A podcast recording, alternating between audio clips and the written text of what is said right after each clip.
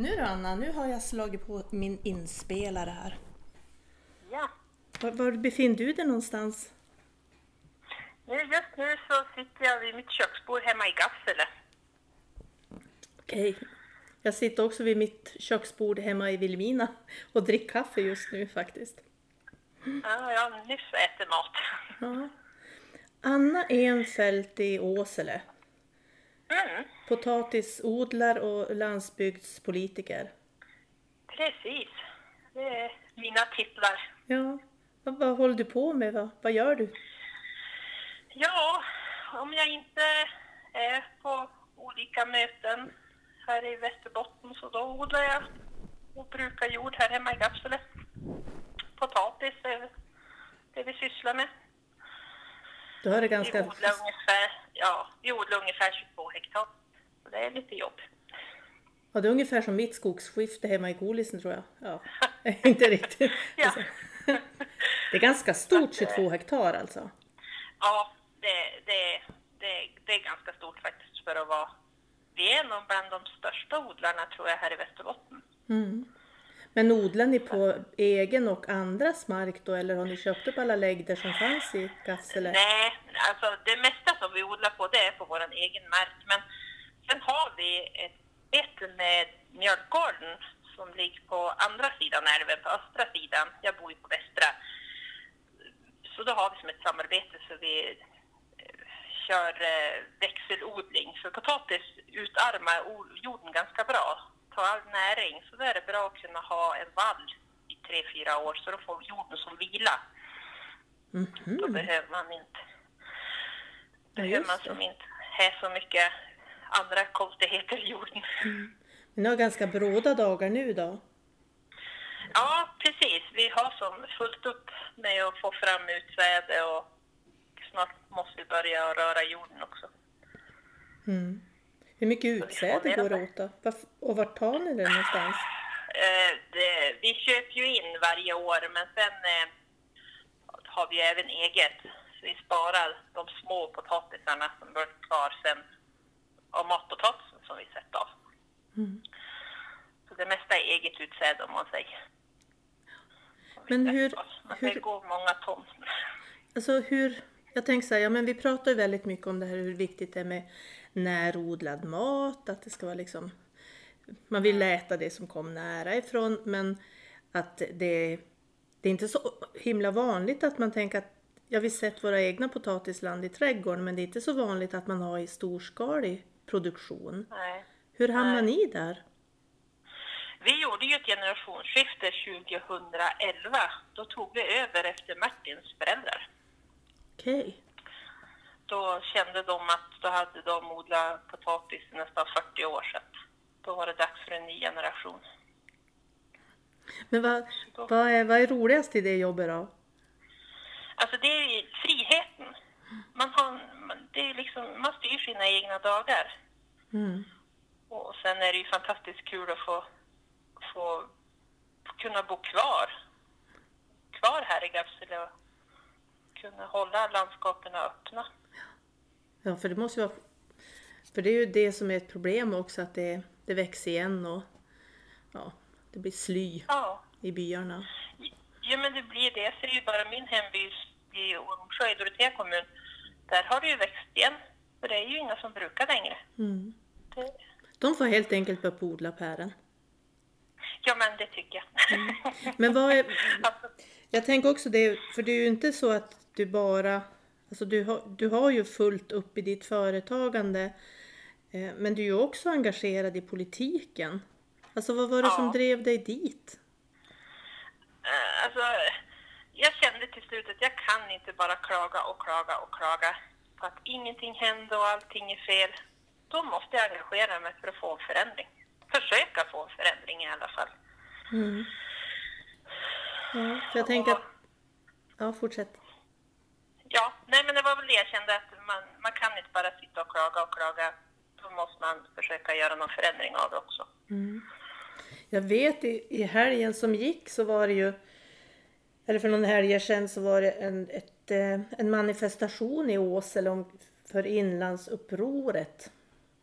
Ja, precis. Ja. Och det är ju också människor som tycker att nu har vi, vi klagar och klagar, nu måste jag göra någonting åt det. Ja.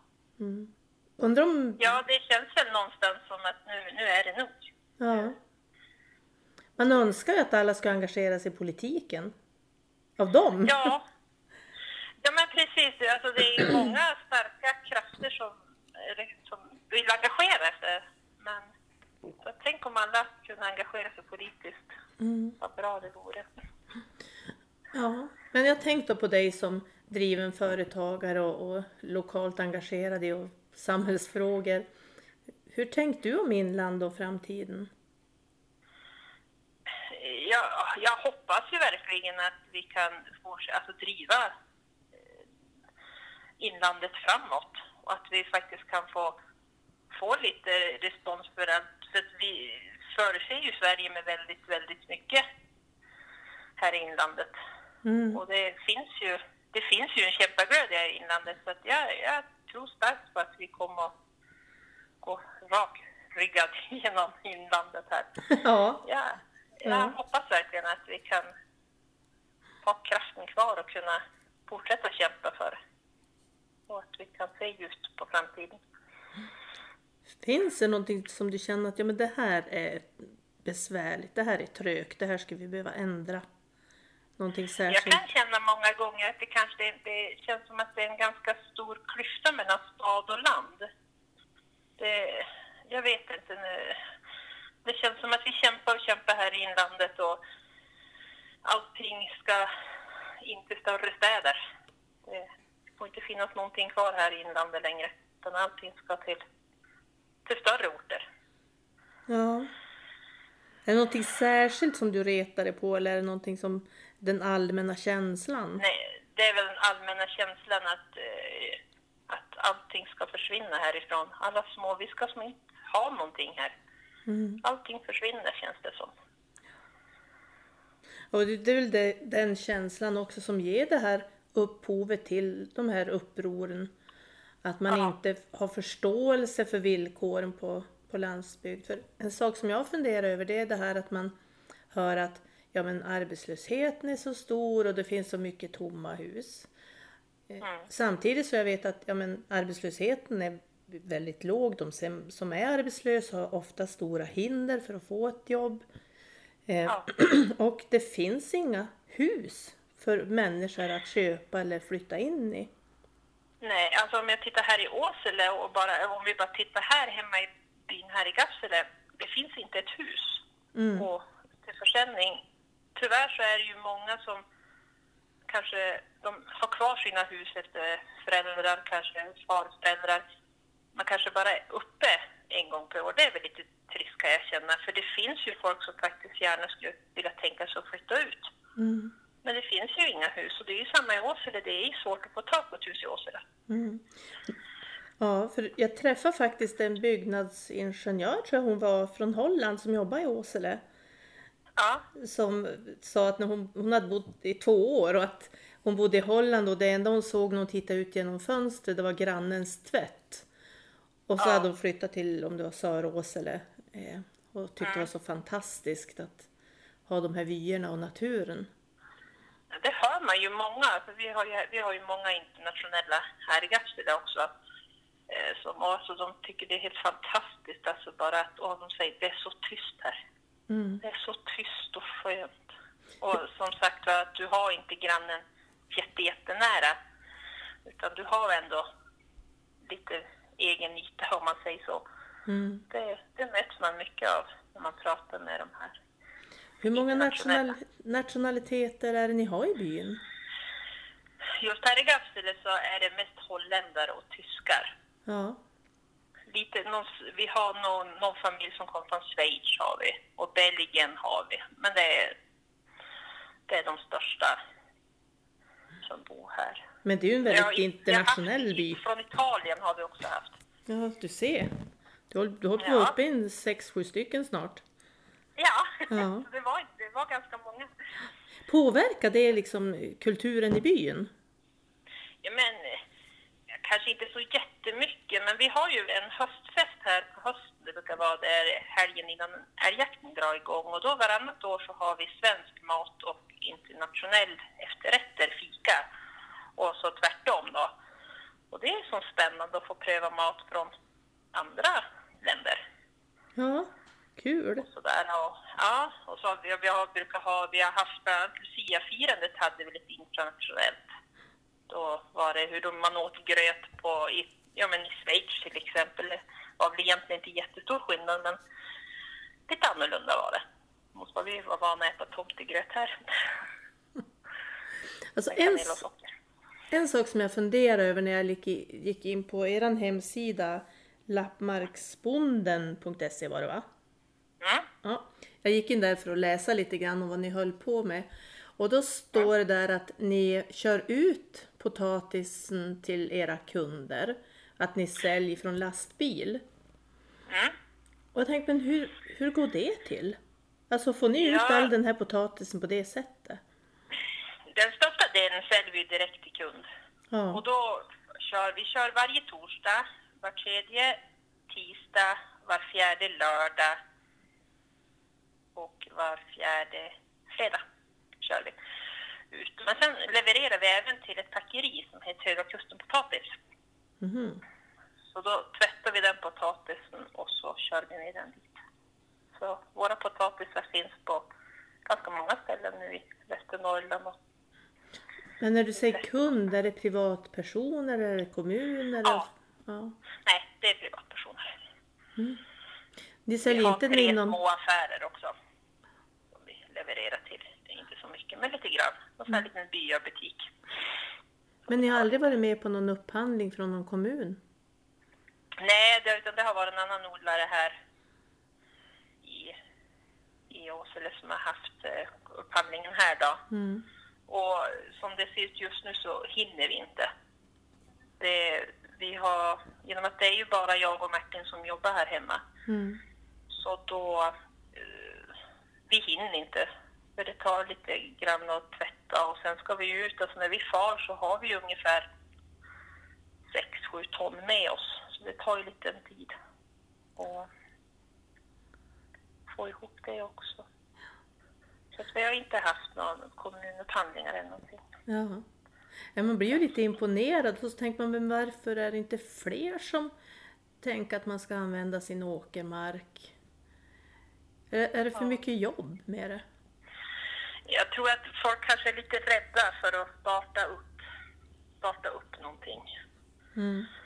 det, det är ju ganska mycket regler och lagar och allt man ska följa. Och det är en liten procedur och det, det kostar ju en del Mm. att starta upp. Och sen är ju bankerna inte så där jätte, jätte. De vill ju gärna inte, de är ju väldigt hård med att låna ut pengar för uppstartning. Ja. Ja, för det Men det som är just nu är ju att eh, många av de här eh, för, alltså, potatisodlarna, det, det, det är inga som tar över. De läggs ner när de bara kommer i pensionsålder, de som har drivit det.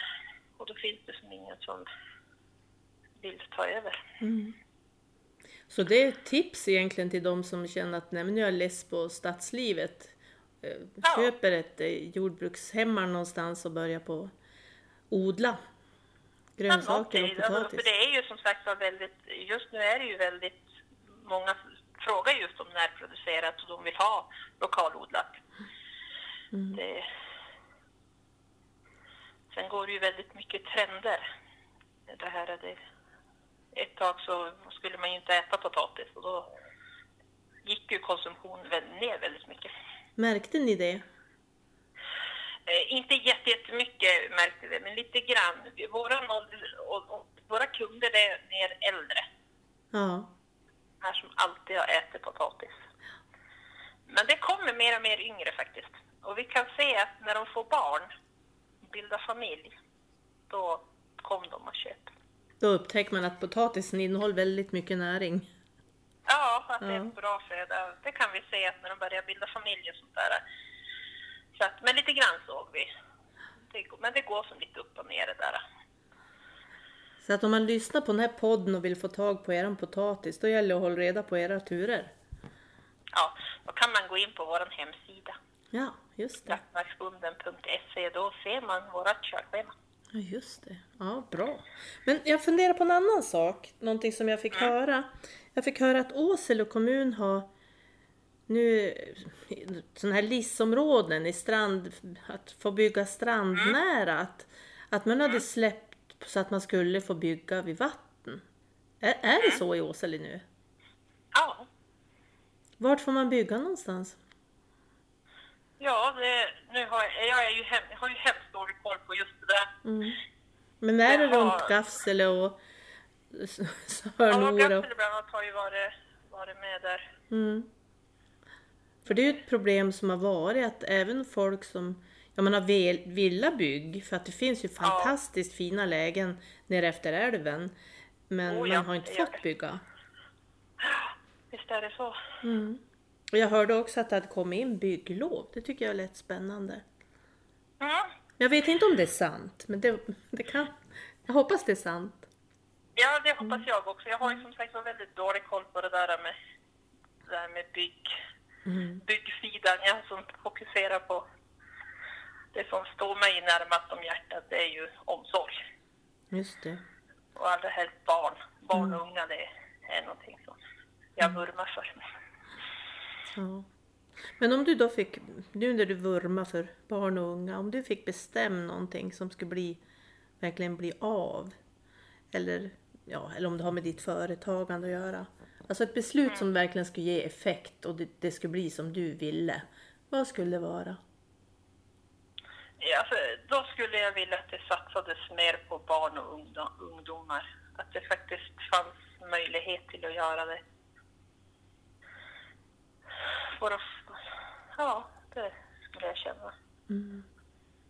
För att det är framtiden hos dem då? Ja, det, ja alltså det, det är ju barnen som är vår framtid. Det är ju, det är ju de som ska leva i Åsele och ha en framtid här. Ja, och det tänker man ju att det, ja, men Åsele kommun har ju krympt och det är klart att demografin Ja. ser ut så att andelen äldre är ju störst. Eh, Ja, och vi har ju, alltså, vi har ju väldigt alltså, vi har ju en hög ålder på befolkningen i Åsele. mm. Det har vi ju. Vi har många äldre. Mm. Men vad skulle pol- politiken behöva driva på för att det skulle bli bra förutsättningar i Åsele? Både för dig som företagare och för de som bor. Ja, alltså jag skulle ju vilja att man satsar lite mer på kanske när, alltså näringsliv överlag. Mm.